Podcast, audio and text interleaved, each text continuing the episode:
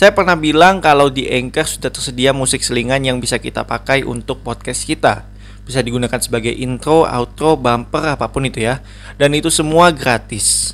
Tapi setelah saya lihat lagi, ternyata ada perbedaan antara musik selingan Anchor di PC dengan Anchor di HP. Kalau di PC itu ada 66 musik selingan yang sudah jadi satu dengan efek suara.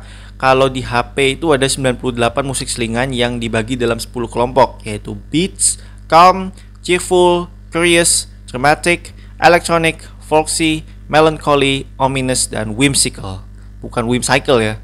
Dan untuk efek suara ada 20 yang dibagi dalam 5 kelompok, yaitu chimes, creepy, electronic, instruments, dan SFX. Nah, selama ini kan podcast pendek-pendek tidak punya intro, outro, atau bumper ya. Jadi saya mau pakai musik selingan yang sudah tersedia di Anchor. Tapi masalahnya saya bingung nih untuk memilih musiknya. Terlalu banyak soalnya. Apa setiap episode musiknya ganti-ganti saja ya?